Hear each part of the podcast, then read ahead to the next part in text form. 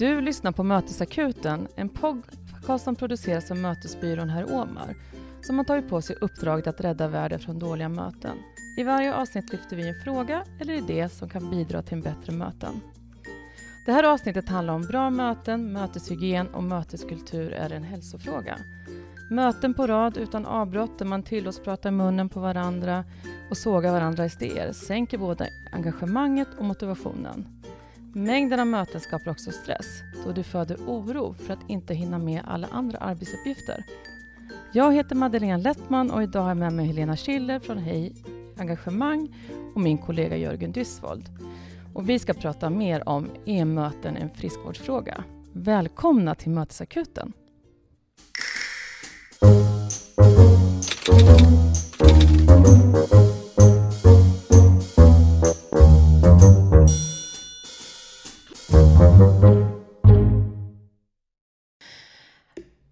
Välkomna Helena och Jörgen. Tack så mycket. Tack. Helena, du är ju doktor i folkhälsa. Mm. Vad innebär det? Eh, det innebär att jag efter min eh, master i psykologi eh, fick en doktorandtjänst på universitetet på Stressforskningsinstitutet där jag då drev olika forskningsprojekt under fyra år och lärde mig massor om stress och sömn. Mm.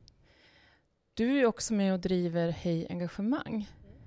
Vad, vad gör ni där? Vi, eh, på det stora hela så verkar vi för eh, ett mer engagerat och välmående arbetsliv.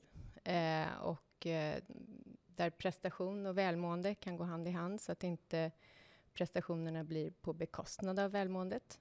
Och, ja, så vi erbjuder då utbildningar och ledarskapsprogram och workshops och seminarieserier och allt möjligt. Men då tänker jag, nu måste vi gå rakt in på det här ämnet då. Är möten en friskvårdsfråga? Jag börjar med dig Jörgen. Mm, jo, men vi pratar mycket om det och eh, framförallt vi eh, återkommer ofta till det med mötessjukan. Eh, och där handlar det kanske inte så mycket om individerna utan om möteskultur och, och så vidare i sig. Men det drabbar ju också individerna. Och eh, på så sätt att möte, vi har alldeles för många och för långa möten som tar massor av vår tid och vår energi så att vi inte riktigt hinner med eh, de övriga arbetsuppgifterna som vi ska göra. Och då får vi ju ta till det som annars kanske skulle vara ledig tid för att försöka jobba i kapp. Och eh, det här orsakar ju en massa stress och oro för att inte hinna med sitt arbete och så vidare. Så på så sätt blir det ju en friskvårdsfråga. Och det som är positivt är att många av dem som, vi har ju hållit på med det här sedan vi startade Heroma 2010 och pratat om att vi bedriver en revolution mot dåliga möten. Och eh, de som hör av sig nu de senaste, ja nu efter pandemin i alla fall, det positiva där är att man säger vi vill ha hjälp med det här för våra medarbetare mår inte bra.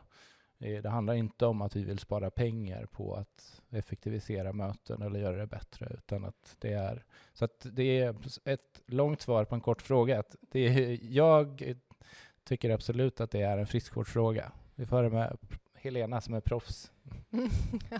Nej, ja, men jag håller helt med. Det är, jag förstår problematiken och framför allt efter eh, pandemin att eh, istället för att mötas på spontana möten i, eh, på ett kontor så bokar man in möten för att kunna arbeta tillsammans helt enkelt. Och det, det, tar ju massor med tid och det här lever ju kvar lite då att man bokar in möten istället för att ta de här spontana mötena, även om man är på plats. Mm. Eh, och jag tycker nog att för att svara på om det är en friskvårdsfråga, så ja, och de frågorna kring möten ska in i medarbetarundersökningen. Likaväl som man frågar om generell stress eller ja, vad det kan handla om, så, så tycker jag att frågor kring möten ska in, så att det blir väldigt tydligt vad, och inte bara antalet möten också, utan kvaliteten på mötena. För möten också är ju viktigt, så att man som människor träffar och gör, träffas och gör saker tillsammans och utvecklar organisationen framåt. Så bra möten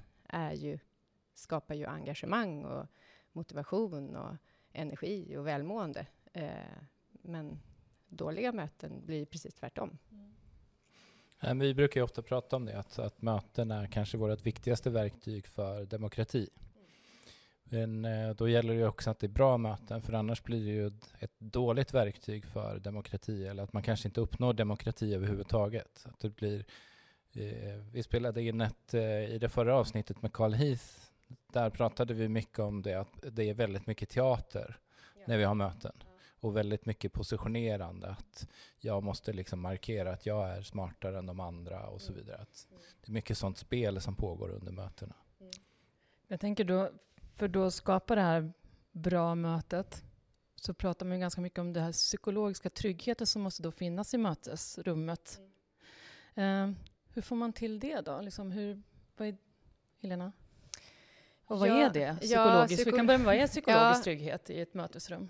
Psykologisk trygghet är ju att man känner att man kan eh, säga vad man tycker, att man kan uttrycka sina åsikter, eh, att man får komma till tals, eh, att man kan stå upp för sig själv. Att man vågar uttrycka att, eh, också att jag, jag har inte lyckats med det här, eller jag gjorde ett misstag, att det är okej okay att säga att man gör... Alltså precis som du säger, att det inte blir en... Alltså att det ska vara ett verktyg för demokrati, och då måste man ju också få säga hur man eh, känner. Och också att man kan stå upp för sig själv, men också för andra.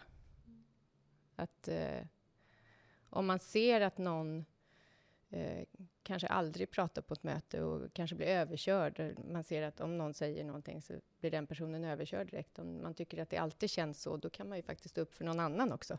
Att säga att vad tycker du? Eller jag vill höra mer om din idé som, som vi pratade om förut. Eller. Och hur får man till det då? Ja, men jag, det viktigaste, alltså jag tror, på samma sätt som man har den här mötesfrågan i medarbetarundersökningar, eh, på samma sätt, för då lyfter man ju också eh, inom organisationen att det här med möten är viktigt. Och då kan man ju också, följdfrågan blir ju, men vad är ett bra möte då? Mm. Och då måste ju alla inom organisationen tala ett gemensamt språk kring vad är ett bra möte? Eh, och det är ju att, att lyssna med intentionen att förstå eh, att alla får komma till tal, så att man har liksom olika eh, ja, men på agendan att så här går ett möte till hos oss. Mm. Eh, och om man inte följer spelreglerna så har man också rätt att säga ifrån. Mm. Vi brukar prata om det som en möteshygienfråga lite grann inom Meetfulness, Jörgen. Mm. Jag tänker, ja, jag, jag tänker också på en annan sak. Vi gjorde ett avsnitt ganska nyligen om eh, neurodesignade möten där vi pratade om att eh, en stor del av befolkningen är neurotypiska men att det finns också en, en, en väldigt stor grupp som är neurovarierade. Som har, och det kan vara allt ifrån dyslexi till att uh, olika typer av autism eller ADHD eller liknande. Och någonting som vi ofta stöter på är ju eh, att man utgår så mycket från sig själv. Eh, om vi till exempel, vi, när vi ska hjälpa till med en konferens och så säger vi att tänk på att hälften av oss är extroverta och kommer att älska att när man säger nu får ni ut och mingla. Gå upp fram till någon ni inte känner och börja prata med den. Medan den andra hälften är lite mer introverta och tycker att det här är obehagligt och kanske behöver hjälp. En liten knuff i rätt riktning för att, kunna göra det här. Och då möter vi ofta då från chefen att äh, man får väl anstränga sig. Man ska inte gå på konferens om man tycker, om man inte vill mingla, utan att man utgår så mycket från att så som jag är och så som jag fungerar, att det är på något sätt normen. Och gör jag möten som är bra för mig så kommer det att funka för alla andra. Är det någonting som du, ni stöter på också? ja, och där tänker jag, och det är eh, just eh, det är superviktigt i all kommunikation, tänker jag, inte bara i möten. Det kan handla om att skriva ett mejl. Vem, hur tas det här emot? Eh, mitt budskap, hur, hur vill jag att det ska tas emot? Vad vill jag ha för effekt? Och för att kunna få den effekten man är ute efter så är det också viktigt att lära känna sina medarbetare. Mm. Alla är ju olika och alla kommer uppfatta det du säger på olika sätt. Eh, så det är ju liksom en grundläggande ja, förmåga i att kommunicera med människor. Och det tar man ju också in i mötesrummet, där man kanske är flera personer också som har... Alla har individuella eh, personligheter och mm. utmaningar mm. och bakgrund och så vidare. För ibland blir det ju, det är också någonting vi ofta tar upp, att det kan uppstå kulturkrockar. Mm. Man har några som är mer extroverta och som tycker det är jättehärligt med möten, för då laddar de sina batterier. Mm. Och det får gärna sväva ut och börja handla om annat och lite skvaller och lite melodifestival mm. och så vidare. Och gärna vara så långt som möjligt.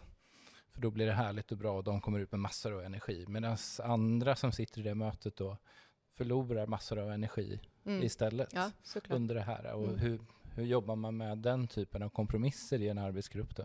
Ja, men jag tänker att det, det enklaste är ju kanske att ha en tydlig agenda och en struktur.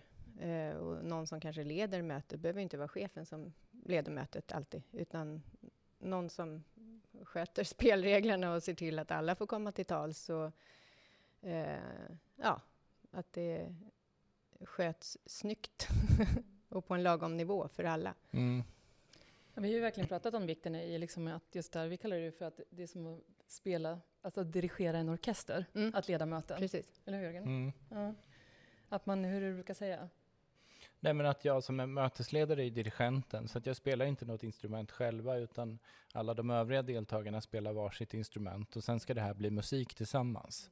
Och att jag kanske spelar ett visst instrument, jag spelar ju inte hela tiden, men jag behöver hela tiden vara med och lyssna och vara med i vad de andra pratar om också så att jag vet när jag ska komma in och spela mitt instrument igen. Så Mm. att det här hänger ihop. Så ett Mm. mycket mer aktivt deltagande och mycket högre grad av lyssnande och just det här med att vi har gått ifrån mannen med ordförandeklubban till personen med dirigentpinnen. Mm. Ja, Och bra liknelse tycker jag. Ja. Mm. Och just när man pratar, det är så lätt att man kopplar just ledarskapet till att det är alltid ledaren som eh, ska leda möten och det är den som ska hålla liksom, taktpinnen och hålla, liksom, driva. Och när vi pratar om att det inte alltid måste vara chefen eller någonting, då blir det ofta så här, men kan man göra på det sättet? Mm. Kan någon annan få vara mötesledare? Ja, men det, det är ju så normbrytande. Det är ju som det där som i en familj att om man ser en kvinna som kör bilen och mannen sitter bredvid så reagerar man och tycker oj, hur har de det ordnat hos sig? Bara för att vi är så vana vid en massa saker. Och det är samma sak där, att man, man utgår bara ifrån att det är chefen som leder mötet. Men ibland är ju det lämpligare att någon annan gör det. Så att chefen bara blir en mötesdeltagare på samma premisser som de andra i gruppen. Mm. Det tror jag är bra i många aspekter, både för chefen som har väldigt mycket annat ansvar och jag tror att chefen också blir mer närvarande eh, i mötet om man inte har liksom det ledande ansvaret just i mötet. Och sen tycker jag att att kunna vara dirigent ska ju faktiskt alla kunna vara. Mm. Att, för det är också ett tecken på då att man vet hur ett möte ska gå till eh, och man kan lyssna, man kan, alltså, att man kan spelreglerna. Just det. Eh, så att om alla kan vara dirigenter så är det ju det, Mm. den ideala världen. Ja, men det kan ju vara en idé. Att Mm. skicka runt dirigentpinnen Mm. så att det är en dirigent i taget i alla fall. Mm, ja. Vi kommer tillbaka till det här hela tiden med spelreglerna, att det är viktigt att man har spelregler. Och som vi då valt att kalla för möteshygien. Ja. Varför, varför är det så viktigt? Varför liksom, tror ni att det med spelregler blir så viktigt? ja, men jag tror det är för att alla ska få, just på grund av olika personligheter eller om det är mer eller mindre hierarkiskt eller eh, så, så är det ju så om alla får delta på samma premisser så ehm, och vissa kanske vill hålla sig undan lite, men får man upp den personen till ytan som kanske är lite mer introvert så blir det ju en himla massa härlig, liksom, alltså mycket mer kreativt och eh, om man lyckas med att få en dialog där man verkligen lyssnar på varandra och då brukar vi säga att ett plus ett blir elva. Mm. Det är en bra tal. Ja, Mm. och liksom, eh, vi brukar säga då att debatt, då är det ju en som vinner eh, och en som förlorar, 1-0.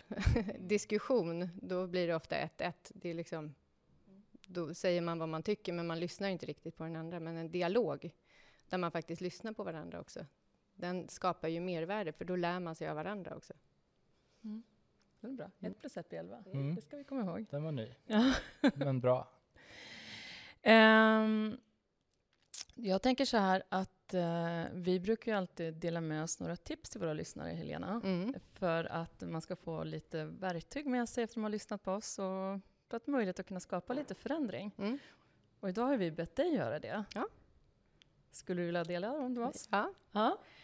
jag sa ju det innan, jag hade ungefär 20 stycken, så jag har fått välja. Jag har Kan klämt vi få, ihop. eh, Ja. kan vi få eh, de andra 15 också sen Ja. efteråt? Kan vi Jag- lägga ut en artikel om det? Jag tror att jag har vävt in dem i de här Ja, bra. Ja, där. Ja. Det första handlar om struktur, att strukturera upp i kalendern. Så att man planerar in tid för ställtid mellan mötena, det pratade vi kort om förut. Eh, till exempel tio minuter, där man fokuserar om, för det tar extremt mycket energi för hjärnan att strukturera. Alltså, om det inte finns en struktur, att hoppa från ett möte till ett annat. Eh, så att man verkligen ser till att ställtiden är inplanerad också. Så att ett möte ska i så fall vara 45 minuter eller 50 minuter. Så. Eh, och sen att man får, när man försöker, om man kan påverka, att planera in möten så att det inte blir så hackigt, utan att man har eh, några möten i taget, så att man verkligen hinner göra sitt arbete under ett par timmar ändå, så att det inte hela tiden eh, bryts upp av möten. Eh, och sen så att man gärna skapar kring, eh, struktur kring mötena, det vill säga att man eh, själv har en övergripande agenda om ingen annan har det. eh, och sen så att man funderar på vilka frågor vill jag ställa, vad vill jag ha reda på inför det här mötet? Eh, vad vill jag få ut av mötet? Och att man gärna tar anteckningar och skriver rent, så att man, så här, vad fick jag nu ut av mötet? Eh, och sen så det här med att skapa, eh, struktur i mötena, det pratade vi om, spelregler. Och eh, så att, man, eh, så att det är tydliga spelregler, så att alla vet om vad det är som förväntas av en. Och, så att man skapar psykologisk trygghet i mötena och även utanför mötena, på arbetsplatsen generellt. Och sen att man kan stå upp för sig själv och begära tydlighet så att man inte känner att man går till ett möte och när man kommer därifrån så att man funderar på vad kommer vi fram till egentligen? Att det att man ställer, vågar ställa den frågan. Nu förstår jag inte riktigt här, eller vad, vad var meningen med det här? Syftet är ju superviktigt för att skapa engagemang och motivation och välmående också. Um, och det gäller både syftet med mötet, men också kanske mål, om man sätter upp mål och delmål, eh, arbetsuppgifter. Eh, för förhoppningsvis så har ett möte lett till någonting sånt, att man vet vad man ska göra därefter. Om det är otydligt, då är det ju, har det ju inte varit ett bra möte så att man inte har möten i, i onödan. Och sen sista, att man tar 100% ansvar själv. Eh, alltså om man känner att möten inte leder någon vart och tar massa tid, eller att man har alldeles för mycket möten, eller att det är en psykologisk otrygghet i mötena, eh, så får man ta ansvar för att det sker en förändring. Antingen att man testar och säger vad man tycker och se hur det tas emot helt enkelt. Eh, eller att man pratar med någon inom organisationen. En, en, det kan vara en chef man kan prata med, eller HR-person eller en kollega. Att man kanske får hjälp då, att det sker någon form av förändring. Så lyfta upp till ytan. Mm. Tack för de tipsen. Eh, superbra allihopa. Jag eh, tar med mig alla. Ja. Vilka tar du med dig, Jörgen, från det här som du... Mm, ja, men det var väl ett par saker där. Vi, det här som du var inne på på slutet. Vi jobbar ju då med någonting vi kallar för Meetfulness och som är ett, eh, en form av rehabprogram mot dålig möteskultur för att få mera långsiktiga förändringar. Mötesakuten som vi sitter i nu, det är ju mera plåster och Alvedon. Ja. Men den här mm. långsiktiga, då behöver man göra en kulturförändring. Och en mm. av de saker vi utbildar i där är mötesdeltagande. Och det är ju många som studsar på det. Men då har jag ett ansvar som, som mötesdeltagare? Är det inte det bara att gå dit och vara närvarande under mötena? Men där kan man ju påverka jättemycket. Får jag en kallelse så kan jag till exempel skicka tillbaka att för att veta så att jag prioriterar rätt. På vilket sätt? Varför vill ni ha med mig och vad är det ni förväntar er att jag ska kunna bidra med under det här mötet? Och kommer man till ett möte där man inte förstår vad, eh, varför vi sitter där, då kan man också säga, bara så att jag förstår det här och kan sätta det i sammanhang, kan, ni, kan inte ni berätta lite vad syftet med det här mötet är? Eller vad är det, nu ska vi sitta här i, i 60 minuter eller 50 minuter, vad är det vi ska ha klart när vi går härifrån? Att man kan gå in även som mötesdeltagare och ta det ansvaret. Och att vi pratar ju om, i, forskningen visar att vi sitter i eh, möten 22 år många av oss, ja. 22 år på heltid ja. av ett Galet yrkesliv och sju år helt i onödan. Ja. Och vi brukar prata mycket om det här då, ja men det är ju mitt eget liv också, eller sju, vill jag lägga sju år av mitt eget liv på det här? Mm. För många reagerar ju då att, ja, fast det kanske är lite obehagligt att gå in och ställa den här typen av kontrollfrågor. Fast om man då väger det mot att jag förlorar sju år av mitt liv som jag skulle kunna lägga på någonting annat så kanske jag kan åtminstone prova och ställa frågorna och upptäcka då att det inte är så Precis dramatiskt. Så. Mm. Jag håller helt med. Ja. Så behöver vi nog flytta in den psykologiska tryggheten också, att man, så man vågar göra den saken. Ja, och sen är det väl mindset också, att kanske ha den inställningen att jag kan inte gå igenom hela livet och bara ha som mål att vara älskad av alla, utan Nej. jag måste, för då, då lever jag för andra och inte mm. för mig själv. Nej. Ja, och jag tänker, finns inte den möjligheten, eller att man märker att man eh, inte blir väl mottagen om man, om man uttrycker att man vill ha svar på vad syftet är till exempel, då är ju den psykologiska tryggheten någonting man måste jobba med mm. inom organisationen. Och då är det ändå ett steg framåt, tänker jag. Just det. Men om man aldrig testar och allting bara fortgår, då kommer ju aldrig någonting hända. Nej. Och det har ju alla ansvar för. Liksom. Mm. Och sen bara en kommentar mm. kring det, det, här också som du var inne på med uh, att få tid för återhämtning mellan mötena. Att vi brukar också säga det att ett möte ska vara Brukar det vara en halvtimme ska det vara 25 minuter och brukar det vara en timme ska det vara 50 minuter för man ska hinna få tid för någonting annat däremellan. Och att man då inte sätter sig och jobbar i kapp i mejlen eller så utan eh, Eh, Microsoft gjorde en stor studie för det här, kring det här där man delade in i två grupper. En grupp som fick fortsätta ha möten som tidigare och en annan grupp som då fick instruktioner om att mötena fick vara max 50 minuter och man gav dem också verktyg i form av några andningsövningar och eh, eh, avslappningsövningar och så och instruktionen att använda dem. Och det man såg då var ju, för man mätte då stresshormonet i kroppen och man såg att det gick ner avsevärt hos de här i testgruppen. Men det man också upptäckte var ju att de blev också mycket mer närvarande mm. i mötena. De eh, hade högre energi, större engagemang och de eh, kom med fler och bättre idéer. Ja. Så att det blev ju win-win för båda. Och det är en ganska liten uppoffring egentligen det här med att säga att 50 istället för 60 minuter. Mm. Precis, och just det här med, det kan kännas som en utmaning i sig att hinna med en andningsövning eller alltså så, men, men det man tränar på blir man bra på och mm. rutiner gillar hjärnan. Mm. så att det kan handla om att man bara, och små steg, tar ett steg i taget, att man börjar med att bara ha en rutin att göra någonting mellan möten som är en signal för hjärnan att nu har vi avslutat det här mötet och nu påbörjar vi någonting nytt. Det kan ju vara att man har en arbetsuppgift att gå till också. Det eh, kan ju vara tre djupa andetag eller eh, ja, vad det nu kan vara, någon avslappningsövning eller... Just det. Mm. Och vi jobbar ju ibland med att göra det också tillsammans i starten av ett möte. Mm.